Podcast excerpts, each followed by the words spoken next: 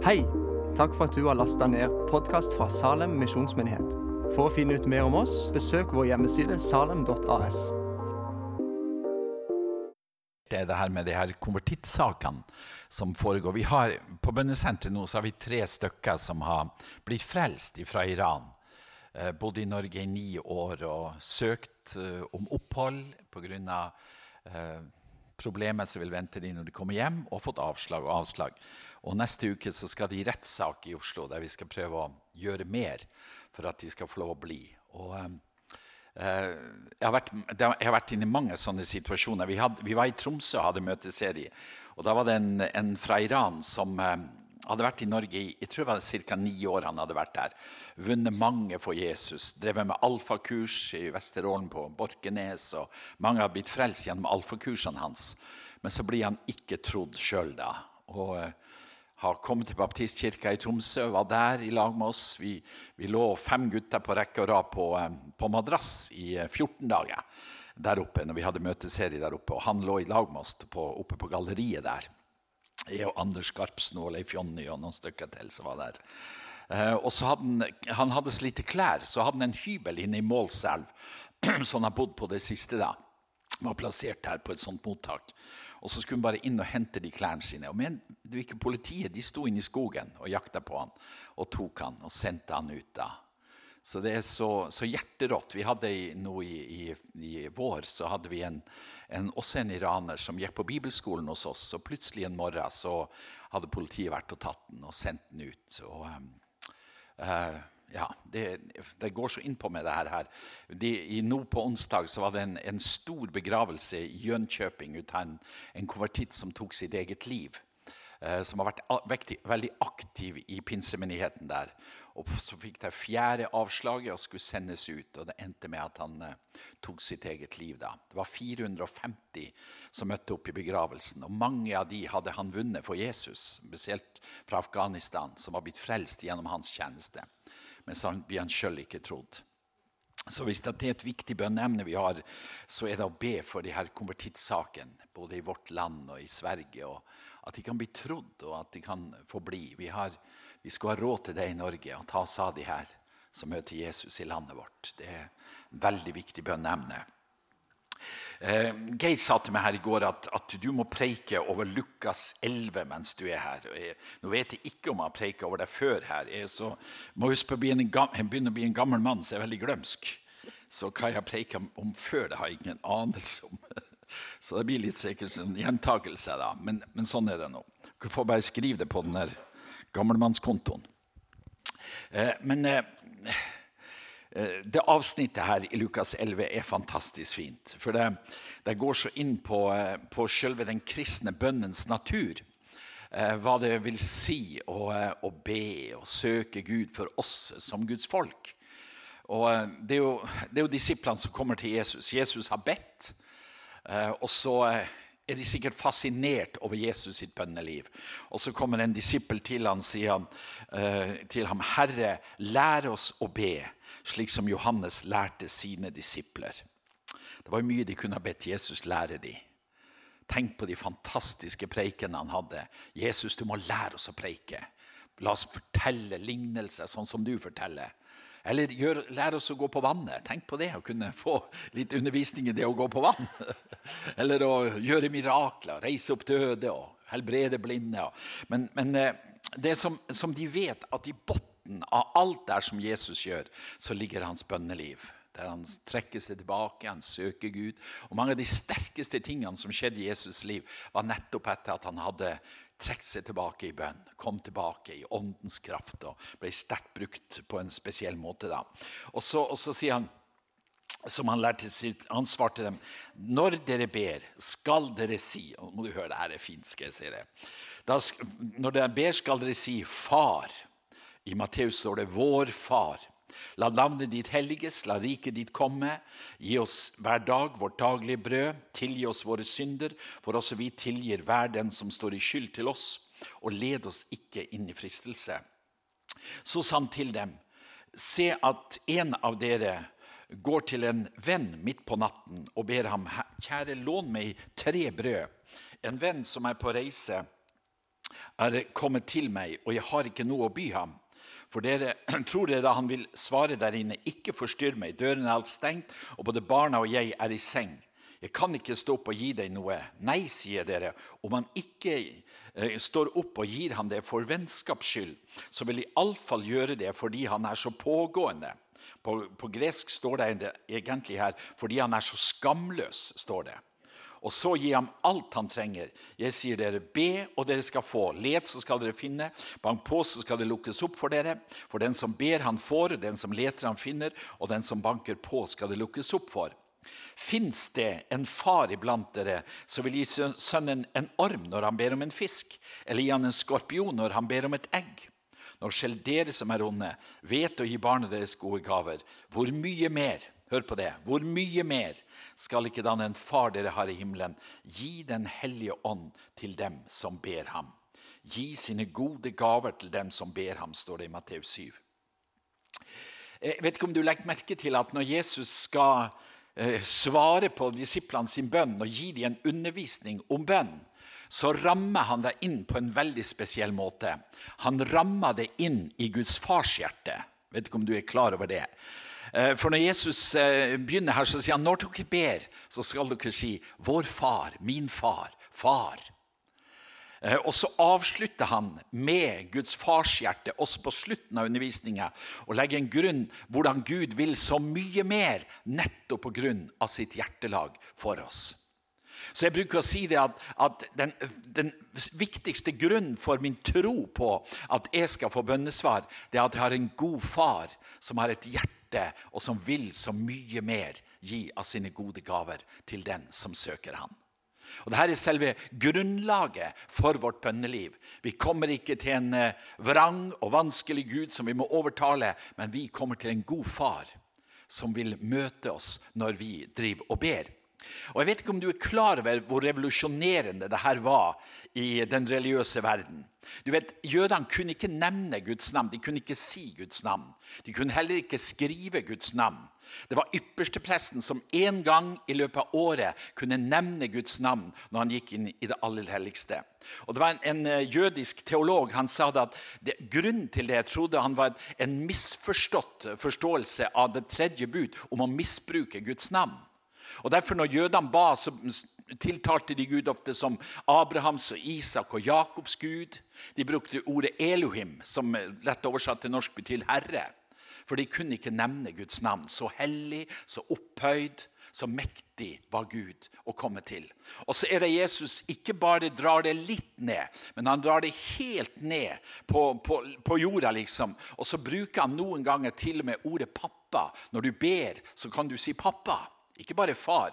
Og En, en som har studert her på, på arameisk, kan si at antagelig når Jesus ba, så brukte han alltid ordet 'Abba'. I, den, I, den, greske oversettelsen, eller som vi har oversettelsen ifra, så er det nevnt tre ganger det her med 'Abba, far'. da. Mens antagelig, sier han, så brukte Jesus det hver gang når han ba til sin far. Han kom til pappa i himmelen med sine bønner. Og Det er fantastisk å tenke på at vårt gudsbilde det er sånn vår, vår, vår, vår, Gud er vår himmelske pappa, som vi kan få lov å komme til med våre enkle og barnslige bønner. Og så har han lovt å svare oss når vi ber. Det står til og med i romerbrevet at at selve passordet som Den hellige ånd sier, det er Abba far. Dere fikk ikke den ånd som slavene har, så dere igjen skulle være redde. Men dere fikk barneskapets ånd, som gjør at vi roper Abba far. Og så kommer vi til Gud med dette papparopet, og så har vi de her sterke løftene. At han ikke vil bare svare som jordiske fedre, men han vil så mye mer gi av sine gode gaver til den som søker han. Jesus gir jo i den undervisninga her fantastisk bønneundervisning. Han gir oss Fader vår, som er spekk rekka med interessante bønner. Jeg tror ikke Fader vår er liksom bare en sånn eh, reglebønn som vi skal liksom nevne opp, men den, er, den har så mange sterke elementer av bønn i seg, der du ber for mange forskjellige ting i dagliglivet ditt. Og så sier Jesus sånn skal dere be.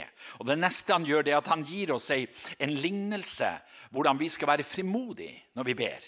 At vi ikke skal komme til Gud med lua i handa, men vi skal heller være pågående. Vi skal være skamløse om så, sier han, når vi driver og ber. Fordi at Gud elsker mennesker som trenger seg på i bønn, og som søker han. Du hørte om denne mannen som fikk besøk på natta. og Vil han ikke gi det for vennskaps skyld, så vil han iallfall gi det fordi han er så pågående eller skamløs, som det står på grunnteksten. Det er jo sterkt, da. Ikke sant? Og så er det Jesus kommer med denne lille teologiske snutten her. Så sier han, be, så skal dere få. Du vet at, at Jeg har brukt å sagt det, at det her er så sterkt om kristen bønn. fordi at det er, så, det er så revolusjonerende i forhold til all religiøs bønn. Religiøs bønn er veldig ofte komplisert og vanskelig tilgjengelig for mennesker. Jeg, jeg har reist mye med arabiske flyselskap når jeg har født ned til, til Filippinene. Vi har et stort misjonsarbeid på Filippinene. Og så ser en på, på de her arabiske flyselskapene så er det en sånn pil som kommer opp på TV-skjermen. Det går en film eller noe sånt som viser retninga til Mekka. Hvor er Mekka? Og Da er det ofte at muslimene de bøyer kne mellom stolradene eller i midtgangen, og så holder de øya på streket. For hvis flyet da svinger, så, så svinger jo retninga. Og det er veldig viktig å holde retninga til Mekka når du skal be. Det er kompliserte greier. Og hvor du kommer i verden, hvor er Mekka nå? Du vet at Det var jo en reportasje en gang husker jeg, i Dagbladet. Der var en moské i Oslo der de lå med baken til Mekka. Og de var ikke klar over det sjøl. Så de måtte snu hele, hele moskeen da, fordi at de skulle få retninga rett imot Mekka. Det var stort oppstandelse i, i, i, i moskeen fordi at de hadde snudd feil retning. Og, og, Sånn er den religiøse bønn. Den har ritualer, den har bønnemantra, den har bønnestillinger, bønneretninger, masse sånne ting. Og så kommer Jesus med det her, og så sier han, be, så skal dere få. Ikke det fint? Snakk med Gud. Be. Bare kom til Gud med dine bønner, så skal du få svar på bønn. Be, så skal dere få. For den som ber, han får. Og Så kommer det, så tar Jesus da eksempelet. Fins det en far iblant dere som gir sønnen sin en orm når han ber om en fisk? Hører du disiplene? Nei, nei, nei, det finnes jo ingen far som vil gi sønnen en orm når han ber om en fisk, eller gi han en skorpion når han ber om et egg. De ser at I, i, i Israel så finnes det en skorpion som ruller seg sammen, og som ser ut som et hvitt egg når den ligger i sammenkrølle. Så kanskje var det det Jesus brukte her. Er det noen som vil gi en, en sånn til sin sønn når han ber om et egg? Nei, nei, nei, ingen vil jo gjøre det. Og så er det Jesus sier, når selv dere som er onde, vet å gi barna deres gode gaver, hvor mye mer skal ikke den far dere har i himmelen, gi Den hellige ånd til dem som ber ham? Her har du Guds hjertelag igjen der Guds fars hjerte kommer fram. En Gud som mye mer vil gi. Jeg har mange ganger opplevd det når jeg ber for folk. Vi har jo lært det i Toronto. Vi skal si 'mer Herre'. Mer Herre. Og det er det som jeg har det i bakhodet. Ikke mer, men mye mer. For sånn er vår Gud. Han er så mye mer enn jordiske fedre. Så vil han gi sine gode gaver til dem som søker han. Og så har vi da problemet hvorfor får vi ikke bønnesvar? Er det fordi at Gud er vrang? Er det fordi han ikke vil svare på bønn? Du vet, Det er mange ting som kan eh, være et hinder i bønn. Vi har ikke minst åndskampen som står om, om bønnesvar. Du vet, Hvis du leser i Daniels bok, så får du et veldig innblikk i hva som skjer der engelen kommer til Daniel og sier fra første ord du har eh, bestemt deg for å si og ydmyke deg for din Gud, så er dine ord blitt hørt. Og så står det en kamp i tre uker før bønnesvaret kommer igjennom. Og Den åndskampen står vi i som kristne.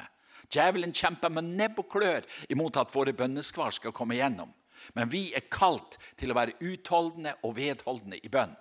Eh, på Filippinene har de et uttrykk som de bruker ofte. De sier 'in God's time', sier de. In God's time, når de ber. Og Jeg hadde en, en sånn god venn på Filippinene, en pastor som er død nå, som heter pastor Boy. Han var en sånn flott bønnemann. Og han, eh, han, var den eneste kristne, eller born again-kristien i sin familie. Det var en katolsk familie, som var en ganske streng katolsk familie. Og De hadde nesten forfulgt han Boy fordi han ble born again, ble en pånyfødt kristen. Men så drev han og ba for denne slekta si, spesielt faren, som hadde vært så vanskelig imot han etter at han ble en kristen. Og så har han bedt i 18 år. Og så, så sa han, når du bedt i 18 år, tror du at de blir frelst? Selvfølgelig, sa han. In God's time så vil de komme. I Guds tid så vil de komme. Og så fikk jeg være med. Da var det plutselig en dag så ble 20 stykker av hans familie frelst. De har vært utsatt for bønn i mange mange år. 18-19 år. Og så fikk jeg være med å døpe pappaen i ei elv oppfor huset til pastor Boy. Og da, da minner meg på det. Husker du Håkon, hva jeg sa? In God's time, i Guds tid, så vil de komme. Nå har jeg bedt i mange år, og plutselig så var bønnesvaret der. Og tenk på ditt bønneliv. Du, du, begynner å nevne ting for Gud. Du, kanskje ligger det på ditt hjerte. Du ber for noen spesielt. Og så begynner du her, og så er bønnesvaret der. Og Så driver du og ber kanskje i, i månedsvis, i årevis. Det kommer ikke noe svar. Og så er sannheten, tror jeg, at mens du ber, så jobber Gud med saken. Gud holder på. Gud er på gang med, med at bønnesvaret skal komme deg i møte. Og Da er det om å gjøre å, være utholdende i bønn. Jesus bruker mange ganger å nevne det. Husk på å være utholdende. Hold ved i bønn. Du skal ikke gå trøtt, sier Jesus. Han forteller lignelsen om den kvinna og den urettferdige dommeren. Den fortalte han, står der, fordi at de ikke skulle gå trøtt, de som drev og ba. Så vi er kalt til å være vedholdende og utholdende i bønn. Og så har vi i minnet hele veien at Gud han er en god far som vil svare på vår bønn, som vil komme oss i møte. Jeg må si det at jeg har en del bønner jeg har bedt som jeg er glad for jeg ikke har fått svar på. Ja, du vet, når man traff jenter når man var ung, så begynte man jo ved. Tenk om det hadde vært blitt tid, da. Det, det var, og så var det Liv som kom inn i bildet. Fantastisk menneske som jeg ble gift med. Så Vi har vært i lag i 50 år nå. Tenk på det. For en nåde fra Gud. At jeg fikk akkurat Oliv. At de andre kandidatene ikke ble bønnesvaret, men at det var Oliv. Og du vet, Det er mange ting vi kan, vi kan minne Gud om og be om at han må jobbe med saken, og så blir det helt feil. Og Da er det godt vi ikke får bønnesvar. Men Gud han har kalt oss til å, å søke Hans ansikt, være trofast og stå i bønne, bønnekampen. Og jeg, jeg, har, jeg, har, faktisk bønner jeg har bedt i over 30 år, ennå ikke fått svar på. Men jeg tror det skal få svar på det. Hvorfor tror jeg det? Jo, for Gud ikke kan svikte sine løfter. Gud står ved sine løfter. Og Derfor så vil jeg be, holde ved i bønn og minne han om det stadig. og Si Gud, nå venter jeg at det skal bryte igjennom, at bønnesvaret skal komme. Og eh, da har jeg farshjertet som jeg stoler på. Min gode himmelske pappa. Du vet, Hvis du ser i Johannes evangeliet Vi må se litt her. Og du vet det her med, med Guds farshjerte Nå hadde jeg en veldig god pappa. Det er ikke, det er ikke alle som har hatt det. og, og ja, jeg møter jo stadig mennesker i kjærlighetssorg som har hatt en så vanskelig oppvekst, og som preger hele gudsbildet deres pga. at de har hatt en tøff far eller en fraværende far. eller ting sånn. Eh, jeg hadde så god en pappa. og eh, han prega mitt gudsbilde. Det var ikke vanskelig for meg å tro at Gud var god når jeg, fra barna, barndommen og har hatt det med meg hele tida. Eh, og så, så snakker da Jesus om det her med Hvis du ser i Johannes 14, så er far nevnt 22 ganger i det kapitlet der. Et fantastisk bilde, et fantastisk kapittel om Gud som far. Og så er det at Judas, ikke, ikke Judas Iskariot, står det sier til ham. Herre, hvorfor skal du åpenbare deg for oss og ikke for verden? Jesus svarte, den som elsker meg, vil holde fast på mitt ord, og min far skal elske ham, og vi skal komme og bo hos ham. Er ikke det fint? Tenk å få, få, få, eh, både sønnen og faderen som bor hos ham, bor hos oss. Den som ikke elsker meg, holder ikke fast på mitt ord. De ord dere hører, er ikke fra meg, men fra Far, Han som har sendt meg. Og dette har jeg sagt dere mens jeg ennå er hos dere. Men talsmannen Den hellige ånd, som Far skal sende i mitt navn, han skal lære dere om alt og minne dere om alt det jeg har sagt dere. Fred etterlater jeg dere, min fred gir dere, ikke den fred som verden gir. La ikke hjertet bli grepet av angst og motløshet. Jeg snakker Jesus om eh, det intime forholdet med far. Der som vi elsker Sønnen og elsker Faderen, så står det at de vil komme og bo hos oss. De vil være hos oss. De vil, eh, jeg tror En, en eh, engelsk oversettelse at de vil, de vil, etablere sitt hjem hos oss, står det. Og det å få lov å ha det her intime fellesskapet med Jesus, med vår Far i himmelen, en fantastisk sak for oss som Guds folk og få lov å leve med det intime, nære forholdet til Gud, vår far. Ikke at frykten skal prege oss, men at barneskapets ånd skal få lov å prege vårt liv, der vi elsker å være sammen med vår himmelske pappa. Jeg håper du er enig i det. Du vet, hvis du ser på, på Jesus' sin undervisning, så det Jesus kom og fortalte oss, det var at Gud var en god himmelsk far. Det, det, er det som går igjen i Jesus' sin undervisning hele veien utover i evangeliene. Så drar han Gud ned på dette planet der han er vår himmelske pappa. Og I, i eh, kapittel 14 så får jo Philip problemer med det. Han, han, jeg tenker på Philip sitt jødiske gudsbilde. Kolliderer kanskje med det som Jesus har sagt. For Jesus sier jo sånn her i vers 6.: Jeg sier dere, jeg er veien, sannheten og livet. Ingen kommer til meg, kommer til far uten ved meg. Har dere kjent meg, skal dere også kjenne min far. Fra nå av kjenner dere ham og har sett ham. Da sier Philip, Herre, vis oss far, og det er nok for oss. Og så svarer Jesus spesielt da han sier, Men Philip, så lenge har jeg vært hos dere, og du kjenner ikke meg. Den som har sett meg, han har sett far. Hvordan kan du da si 'vis oss far'? Det her syns jeg er så fint. Tenk på, tenk på far i himmelen. Eh, når du ser han uttrykt i Jesus. Og Jesus, når han har holdt sine store taler, og, og folk er fascinert av, av, hvordan han forkynner, så sier han om dere ikke tror ordene mine, så tro da for selve gjerningene skyld hans, sier han. Og så sier han videre, for det er ikke jeg som gjør mine gjerninger, men det er Faderen som gjør sine gjerninger gjennom meg. Så når du ser at Jesus helbreder de blinde, reiser opp til lamme, vekker opp de døde, helbreder de spedalske, så ser du hvordan farshjertet liksom flyter igjennom han ut til de som er i nød og som har behov, og som virkelig trenger å møte Guds farshjerte. Og så viser det også på den måten hvordan Gud er en sånn god far som kommer oss i møte.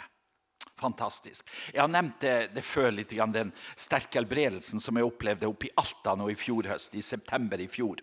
Så kom det, Jeg kan bare si litt om det igjen. For det er så sterkt hvordan Gud har bare brutt inn med sin godhet i en familie. Og Ei dame på 30 år der oppe som hadde fått kreft og vært operert en gang før for kreft i, i uh, Hammerfest. Og så har hun fått det på nytt aggressiv kreft. I, eh, bare etter to måneder så var det en stor svulst i underlivet hennes. Og Så skulle hun til Tromsø opereres på nytt igjen for den nye svulsten som var kommet.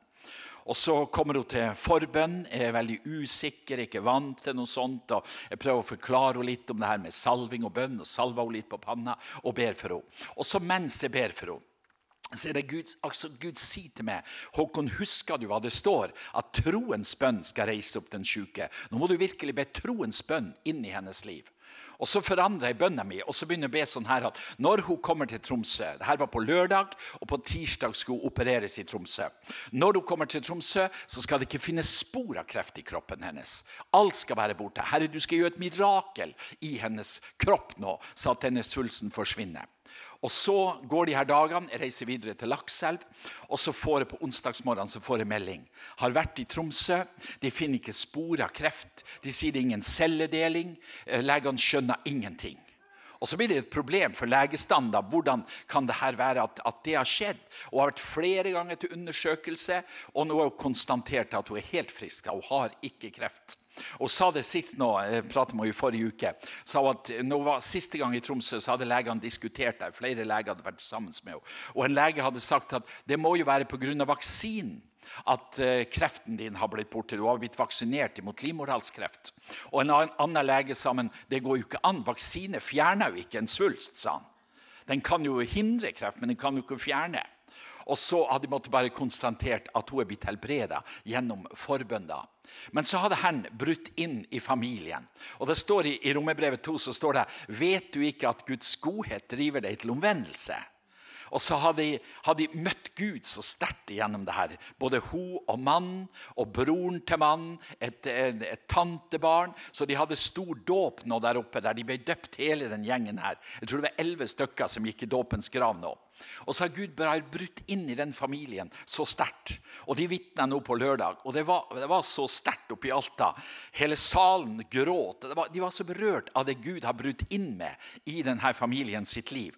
Og så har jeg fått lov å være med og velsigne bedriften til de guttene her. Jeg var der oppe i mai. og så har de, sånt, de drev med sånn steinknusing da, og har et sånn knuseverk. Og så har de ikke hatt oppdrag siden i februar til i mai. Og de sa det er helt krise, vi vet ikke hva vi skal gjøre. Vi har ingen oppdrag som, som ser ut til å komme. Du må be for oss. Og så går jeg med en salveoljeflaske opp i steinbruddet da, og, og ber og sammen med de i bønn der.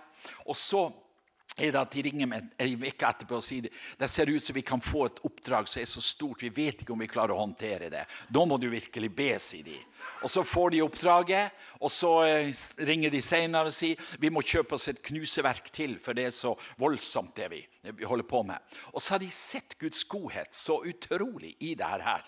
Så han, han, sa det at de hadde en som skulle ha mye masse hos de da. Og så han pressa de så på pris, han der karen. Og var liksom veldig og pressa, ville ha det billigere og billigere. Og så var de gått ned til 40 kroner tonnet. At han skulle få massen for 40 kroner tonnet. Og så var han ikke fornøyd med det, han ville ha det enda billigere. Og så sa han han måtte bestemme seg neste dag. Måtte ha en dag til å bestemme seg, for han syntes det var for dyrt. Og så sa han eh, Paul Dan Petter da, han sa det til han at, at eh, men vi, vi, kan jo ikke levere masse uten at vi tjener penger. Vi må jo tjene litt på det. Og så sier han der, en nyfrelste mann, ligger han på kvelden, så snakka jeg med Jesus om det der. der sånn. Og så sa Jesus hvis vi skal holde på med det her, så må vi jo tjene penger. Det skjønner jo du også, sånn til Jesus. da. Så du må snakke med han karen at vi får ordentlig pris for all den massen som skal ha. Og Det første som skjer da neste morgen, det er at han ringer tidlig på morgenen, den karen. Og så sier han jeg skal ha denne massen. som som, som jeg snakker om. Men dere skal ikke få 40 kroner, dere skal få 45 kroner per tonn, sa han. For det har jeg bestemt meg for. Så da hadde Gud vært i andre enden og jobba med karen. Og så fortalte jeg litt i går kveld hvordan de har funnet den slegga som lå oppi der, som ikke kan forklares, bare at knuseverket stopper før slegga kom inn i maskineriet som kunne ødelagt for hundretusener. Sånn. Og så nå på, på, forrige onsdag så var de ferdig med et oppdrag i Lakselv. De hadde knust, vært der i ukevis og knust og kjørt på det natt- og dagskift for å komme gjennom det her. Og så plutselig, sa han, når de hadde en dag igjen å knuse, for de skal flytte maskinene til Alta, så ryker det ei kobling mellom eh, motorene og, og, og det her knuseverket. Og så sa han Det var jo noe som kunne skje, så de bestilte ny kobling fra Oslo. Men så ble de forsinka til over, over helga da, på, på, grunn av det her. Og så på fredag så er det en kar som ringer. 'Har dere flytta knuseverket?' 'Nei', så sa han. Vi har, vi har fått uh, problemer med ei kobling, så vi, vi, står her fortsatt. 'Ja, dere må ikke flytte det, for jeg skal ha masse masse hos dere', sa han. Og da fikk de et kjempeordre, sa han, bare pga. den koblinga. Så han sa at når det skjer noe med knuseverket vårt, så er vi begynt å si hva vil Gud med det her?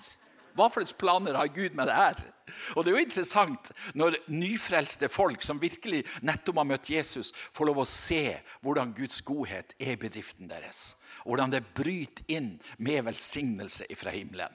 Og Jeg har så lyst til at du skal begynne å regne med det her når du driver og ber. At du legger det som jeg leste her nå, til grunnlag. At vi har en far som vil så mye mer. Og så er det mange ting med bønn som vi ikke forstår. Jeg, jeg har sagt det at Noe med det første jeg skal spørre Jesus om når jeg kom til himmelen, hvorfor fikk jeg ikke alltid bønnesvar? Jeg vet ikke. Jeg skal, du vet, Katrin Kullmann ble spurt en gang uh, hva er det som gjør at all, ikke alle blir helbredet i dine møter. Og Så sa Katrin Kullmann jeg skal være ærlig og svare det. Jeg vet ikke, sa hun, hvorfor det er sånn. Og Det er bare svaret vi har å gi. Vi vet ikke. Men vårt kall, det er å be. Det er å søke Gud for ting og for, for, for mennesker som Gud legger på vårt hjerte. Og så er det hans ansvar å gripe inn og svare. John Wimber han sa det sånn at jeg tar ingen ære når noen blir helbredet, men jeg tar ikke noe ansvar når de ikke blir helbredet. Jeg overlater alt til Gud. Og Det skal vi få lov å gjøre. Og så skal vi få lov å regne med og ha det i bunnen av vårt bønneliv at min himmelske pappa han vil ikke bare sånn som jeg, men han vil så mye mer av gi sine gode gaver til den som søker han. Så jeg, hadde bare lyst til å oppmuntre deg med det her, at når du ber, så skal du ha det i bunnen av ditt bønneliv. Guds gode farshjerte. En far som elsker deg. En far som har det kjært. Tenk at det står jeg siterte det i morges, at, at du, eller før du var foster i mors liv, før du var unnfanga, så så han deg. Så sa han liv. Med evig kjærlighet har jeg elsket deg, står det. Tenk å ha det med deg når du driver og kommer til din himmelske far. Jeg har, jeg har vært en del i, nå i, i høst oppe i, i de elestadianske områdene, i Tana og Karasjok og, og Kautokeino. Og, og det, er så, det er så vondt å høre hva en, hva en lovisk kristendom gjør med mennesker hvordan frykten for Gud er det som liksom det blir det mest sentrale i deres liv. En virkelig en reell frykt der de er redd for Gud. og Der, der skapes et, sånt, et fryktbilde av Gud. Og så er selve kjerna i evangeliet det at Gud elsker oss. og at Gud er en god far som vi kan få lov å relatere til. Og Mange av de må ha virkelig hjelp for å skjønne Guds gode farshjerte. Blir låst i feil, feil gudsbilder. Og, og Da er det så godt å komme med det her budskapet om Gud som en god far. Og gi til mennesker som er såra, har det vanskelig pga. et feil bilde av Gud. Og vi skal få lov å ha det her bildet når vi driver og ber. Takk, min himmelske pappa at du sørger for meg, at du hjelper meg. Og det er så interessant, Jeg kan si det på bønnesenteret hos oss. det er så interessant, Vi har, vi har sendt ut et sånt evangeliseringsteam nå. Fire evangelister som reiser i lag. Og de, er så, de er ungdommene som er prega av kulturen fra Redding, de er jo så frimodige og profeterer på gata. Og ei av de her er en fantastisk jente som, som, bare opplevde å møte Gud så sterkt i pinsen. og John Arnott var hos oss. Hun hadde et syn om natta mellom to av de her pinsedagene. Så så hvordan Gud leda henne inn til å bli, eh, bli, en evangelist, og hvordan Gud ville bruke henne. Og der hun er så sterkt brukt i det profetiske. Så nå har de vært i Sandnessjøen. Og så en dag så, de var på kjøpesenteret der og ba for folk og profeterte over folk, så møtte hun en av Norges mest kjente musikere, som du ser på TV stadig. Og Hun visste ikke hvem han var, men hun kjenner hun får noen ord til han karen der. Og Så springer hun til han, og hun er en sånn strålende jente som bare stiller seg foran han sånn her og smiler. Og, og, Så sier han kan jeg få lov å si noe til det. Og så sier hun en kristen, og jeg drev og, og forteller folk ting som Gud har gitt meg. Kan jeg få lov å fortelle det noe fra Gud? Og det ville han gjerne. Så, og så fortalte hun, så tok hun fram mange ting i livet hans. Eh, CD-prosjekt som han holder på med, skuldrene hans som var vond, og som han sleit med pga. Han var gitarist han der, og har brukt mye tid med gitaren. Og mange ting. Og så, og så, spør hun eh, sånn her Har du noen kristen bakgrunn, eller, eller har du opplevd Gud før i, i, ditt liv noe? Nei, så sier han. Dette er første dagen der jeg møter Gud, sier han. Det er første dagen der jeg møter Gud.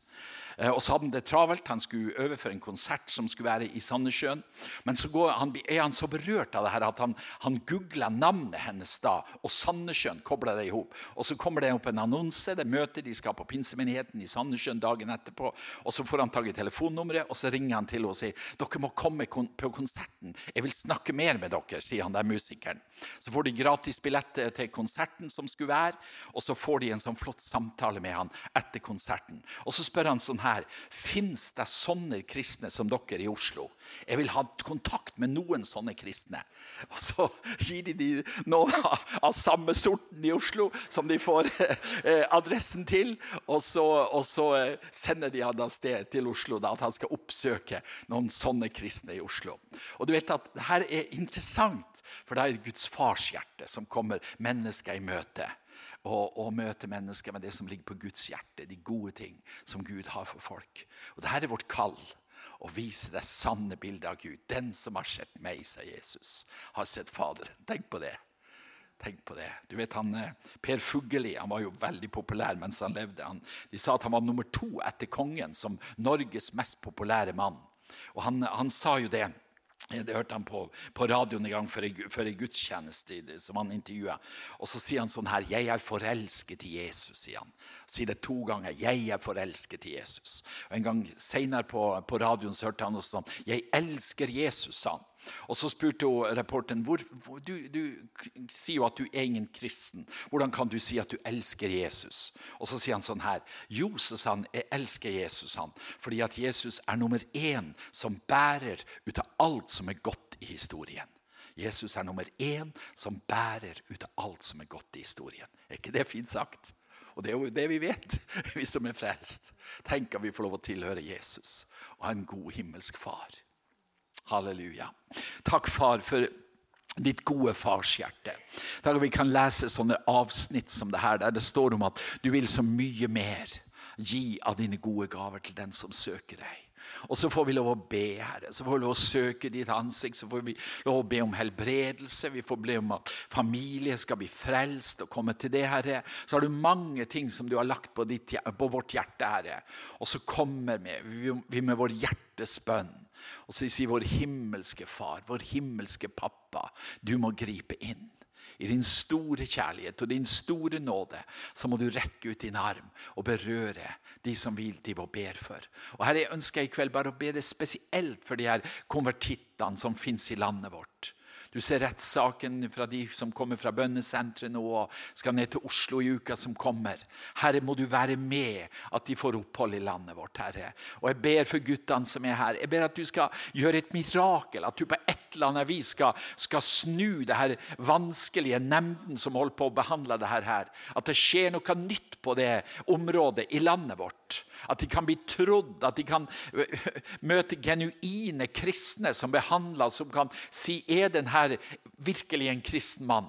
Herre, jeg ber at du skal ved Din Hellige Ånd være i de her sakene og gjøre under at mange av de her nyfrelste og nye kristne i landet vårt får lov å bli og kan få et, et godt liv i, i, menighetsliv og ditt rike her i Norge. Jeg ber om deg, Jesus. Velsign de her to guttene som er her. Gi dem masse nåde. La de, la de være utholdende og, og bare, bare, leve Herre, i tro og bønn til det, at du vil hjelpe dem og stå med dem i tida framover, Herre. Takk at du er en god Gud. Og jeg er så, jeg er så lykkelig for ditt gode farshjerte, som du har vist meg, Herre. Og jeg ber at jeg skal få lov å leve der tett inntil ditt hjerte være ledet av det og brukt av det også i mitt bønneliv framover. Takk for din godhet. Takk, far, at sånn er du. Lovet være ditt dyrebare navn. Halleluja. Takk, takk, takk, Jesus.